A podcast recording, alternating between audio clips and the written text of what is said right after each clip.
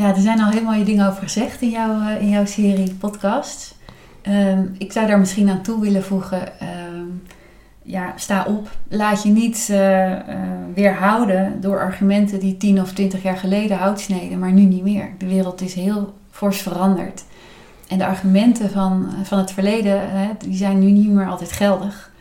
En in het verleden behaalde resultaten bieden geen garantie voor de toekomst. Dus laat je niet weerhouden. En, en, maar ook ja, vecht niet alleen voor die persoonlijke kleine acties die we allemaal zelf kunnen doen. Of, of uh, waar nu ook uh, heel veel aandacht aan wordt besteed om de wereld te verbeteren. Wij spreken je bandenspanning uh, checken of, of zoiets. Maar vecht vooral ook voor een systeemverandering. Want alleen als we het systeem aanpassen, dan komt er echt verandering. En als we economische groei meer baseren op wat mensen kunnen en minder op wat, wat, wat we aan de aarde onttrekken, ja, dat is groei die generaties nog door kan gaan.